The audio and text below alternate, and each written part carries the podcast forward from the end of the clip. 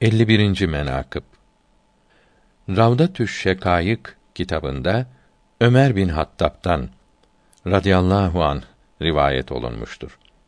Buyurdular ki Hazreti Resul Ekrem'in sallallahu teala aleyhi ve sellem ahireti şereflendirdikleri zaman Hazreti Ebu Bekr radıyallahu an bir acayip rüya gördü.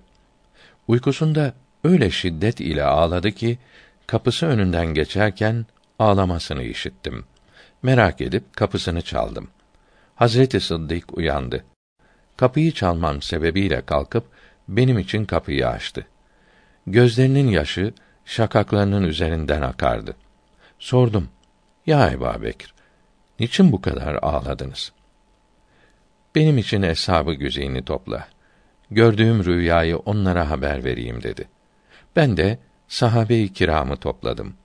Cümlesi huzurlarında hazır oldular.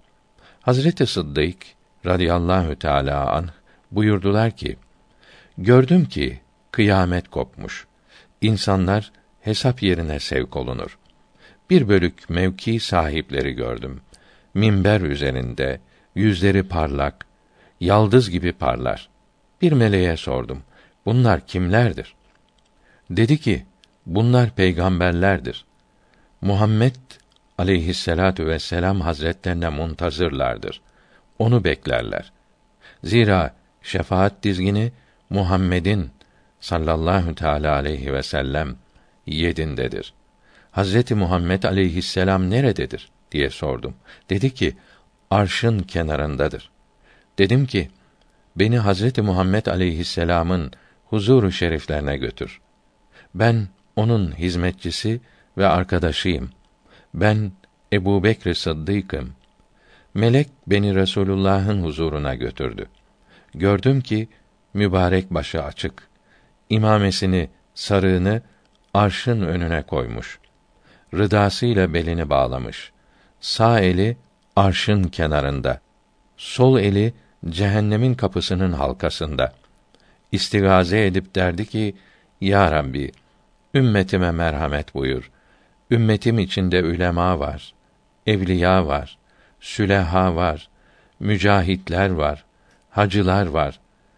Allahü Teala'dan nida geldi ki: Ya Muhammed, itaat edenleri söylersin. Asileri zikretmezsin.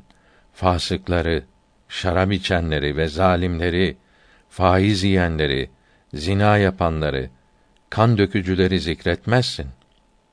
Muhammed aleyhisselam, Ya Rabbi, onlar senin buyurduğun gibidir.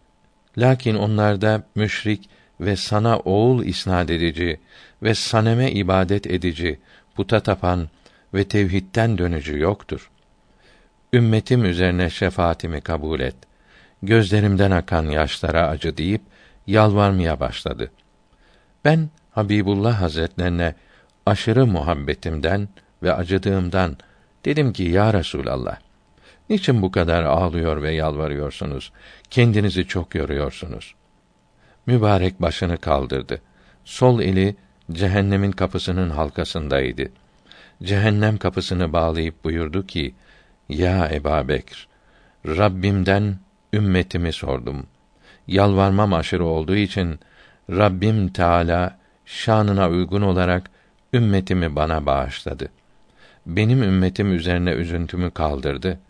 Ben irade ettim ki ya Resulallah Hak Sübhanehu ve Teala sana bazısını mı bağışladı yoksa hepsini mi diye söyleyecektim. Sormadan önce sen kapıyı çaldın ya Ömer. Uyandım. Hazreti Ebu Bekr bu sözü söylediği anda evin içinden bir ses işittik. Hepsini, hepsini bağışladı ya Eba.